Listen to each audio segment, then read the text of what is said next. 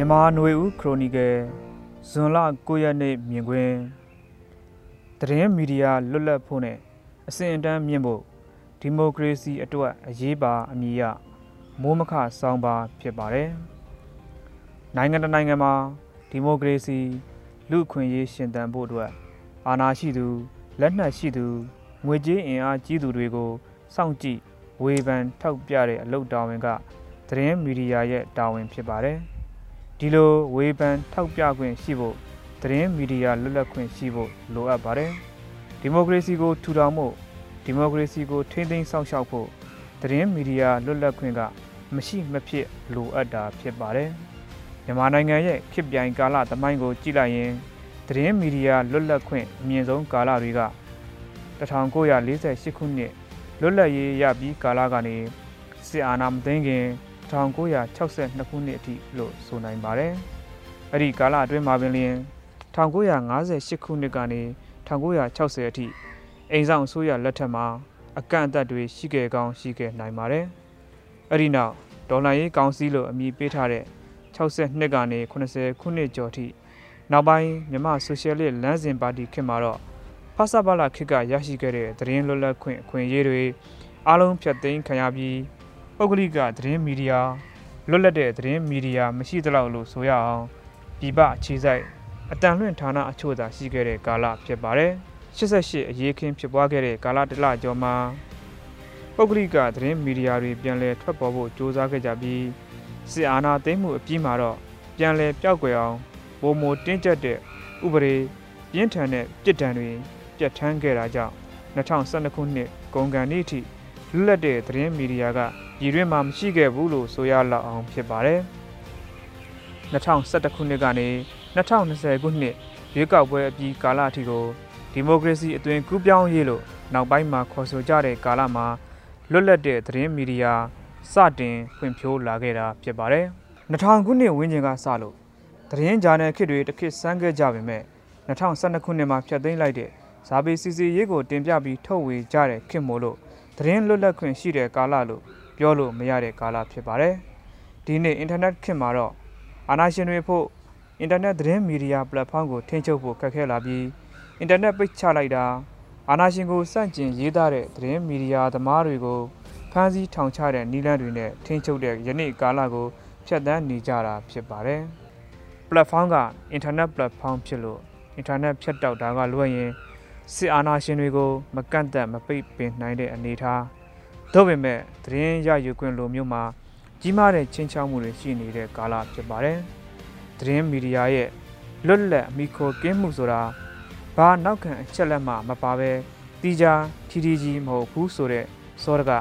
စံကျင်ဘက်မေးခွန်းလည်းရှိနိုင်ပါတယ်။မှန်ပါတယ်သတင်းမီဒီယာရဲ့လွတ်လပ်မှုဆိုတာနောက်ခံရည်မှန်းချက်ပန်းတိုင်တစ်ခုနဲ့တွဲနေတာသဘာဝဖြစ်ပါတယ်။ ဒီနေရာမှာဆိုလိုချင်တဲ့လွတ်လပ်မှုဟာအာနာမဲ့သူလက်နက်မဲ့သူငွေရင်အားနဲ့တပားသူကိုအနိုင်ယူနိုင်တဲ့စီးပွားရေးအာဏာမဲ့သူတွေအတွက်ရက်တီစဉ်းစားပြီးတဲ့တရားမျှတမှုနဲ့လူခွင့်ရေးဒန်းတူအခွင့်အရေးနောက်ခံတဲ့ဆက်ဆက်တဲ့လွတ်လပ်မှုကိုဆိုလိုတာလို့ပြောရမှာဖြစ်ပါတယ်။နောက်တစ်ဖက်မှာလည်းသတင်းမီဒီယာရဲ့ရက်တီမှုတနည်းပြောရရင်ငွေကြေးကုန်ကြမှုကဘယ်သူကိုမှီခိုနေရတယ်လဲဆိုတဲ့အချက်ကြောင့်လဲ မလွတ်လပ်တာမျိုးဖြစ်နိုင်ပါသေးတယ်။အကယ်၍သတင်းမီဒီယာတစ်ခုခုဟာနိုင်ငံရေးပါတီပိုင်းမဟုတ်လက်နက်ကိုင်ဖွဲ့စည်းပိုင်းမဟုတ်အာဏာရယူထားတဲ့အစိုးရမဟုတ်စီးပွားရေးလုပ်ငန်းကြီးအဖွဲ့တစ်ခုခုရဲ့ပိုင်ဆိုင်တဲ့အဖွဲ့မဟုတ်သည့်တိုင်အဖွဲ့အစည်းတစ်ခုခုကိုမိခိုရက်တည်နေရတာမျိုးဆိုရင်အဲ့ဒီအဖွဲ့အစည်းရဲ့အကျိုးစီးပွားကဘာလဲဆိုတာတွေကိုအများသိအောင်ထုတ်ဖော်ပြောဆိုထားဖို့လိုအပ်မှာဖြစ်ပါတယ်။သတင်းမီဒီယာလွတ်လပ်ခွင့်နဲ့ဒီမိုကရေစီပေါ်ထွန်းမှု ဒီမိုကရေစီကိုခိုင်မာအောင်ထိမ့်သိမ်းမှုတို့ကအပြန်အလှန်အမိပြုတ်နေကြတာဖြစ်ပါတယ်ဒီမိုကရေစီရှိမှသတင်းမီဒီယာလွတ်လပ်ခွင့်ရှိမှဖြစ်သလိုသတင်းမီဒီယာလွတ်လပ်ခွင့်ရှိမှဒီမိုကရေစီပေါ်ထွန်းခိုင်မာနိုင်မှာဖြစ်ပါတယ်တစ်ဖက်မှာလည်းသတင်းမီဒီယာလွတ်လပ်ခွင့်ရှိုံမျှနဲ့မပြီးသေးပဲသတင်းမီဒီယာကအစဉ်တန်းမှီဖို့အရည်အသွေးရှိဖို့လည်းလိုအပ်တာဖြစ်ပါတယ်သတင်းမီဒီယာလွတ်လပ်ခွင့်အတိုင်းအတာတစ်ခုအထိရှိနေတော့လဲ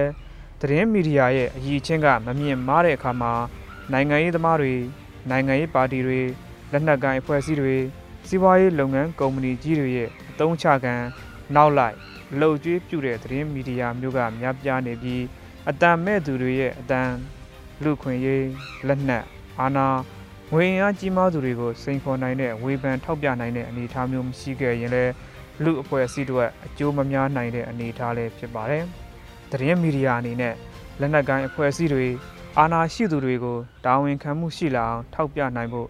သတင်းမီဒီယာကိုယ်တိုင်ကဒီဖြစ်စဉ်တွေဖြစ်ရက်တွေနောက်ခံအဖြစ်အပျက်တွေအတိတ်ကသမိုင်းသင်ခန်းစာတွေကို နားလည်ဖို့လိုအပ်ပါတယ်။သတင်းမီဒီယာကနိုင်ငံရေးလက်နက်ကိုင်အဖွဲ့စီးပွားရေးလုပ်ငန်းကြီးတွေအစွန်းရောက်အမျိုးသားရေးဝါဒတွေလူမျိုးကြီးဝါဒတွေရဲ့အစွဲတွေကနေမလွတ်မြောက်နိုင်တဲ့အခါမျိုးမှာလဲသတင်းမီဒီယာလွတ်လပ်ခွင့်ကို အကျိုးရှိရှိအသုံးမချနိုင်တာမျိုးကြုံရနိုင်ပါသေးတယ်။ဒီလိုသတင်းမီဒီယာကသတင်းအတတ်ပညာနဲ့ပတ်သက်တဲ့ကျွမ်းကျင်မှုတွေသတင်းမီဒီယာသမားတွေရှိရမယ်ဝမ်းစာအခြေခံအသိပညာအတတ်ပညာတွေမတက်ကျွမ်းခဲ့ရင်အပွဲအစည်းတစ်ခုခုဘတ်တစ်ခုခုရဲ့အသုံးချခံဖြစ်အသုံးတော်ခံတာမတိဘဲနဲ့အသုံးတော်ခံဘဝရောက်ရှာတာမျိုးလည်းဖြစ်နိုင်ပါသေးတယ်။ဒါကြောင့်ဒီနေ့မြန်မာနိုင်ငံရဲ့လွတ်လပ်အမိခိုကင်းတဲ့သတင်းမီဒီယာလို့ဆိုလိုက်ရင်အထက်ကပြောတဲ့စံနှုန်းတွေ တိုင်းတာစမ်းစစ်ကြည့်ရမယ့်အချက်တွေနဲ့တိုက်ဆိုင်စမ်းစစ်ပြီးလွတ်လပ်တယ်ဆိုတဲ့သတင်းမီဒီယာဟာတကယ်ပဲလွတ်လပ်ရလားဘလောက်အတိုင်းတာအနေထားလွတ်လပ်တယ်လဲဆိုတာကိုခံမှန်းနိုင်မှာဖြစ်ပြီးသတင်းမီဒီယာကဘလောက်အရေးချင်းရှိနေတယ်ဆိုတာကိုလည်းမျက်မှောက်ဖြစ်စဉ်တွေကိုဘလောက်ထိထဲထဲဝင်ဝင်စမ်းစစ်တင်ပြနိုင်တယ်လွတ်လပ်စွာစဉ်းစားဝေဖန်တင်ပြနိုင်တယ်ဆိုတာကဲဖြတ်နိုင်မယ်လို့ထင်မြင်မိပါတယ်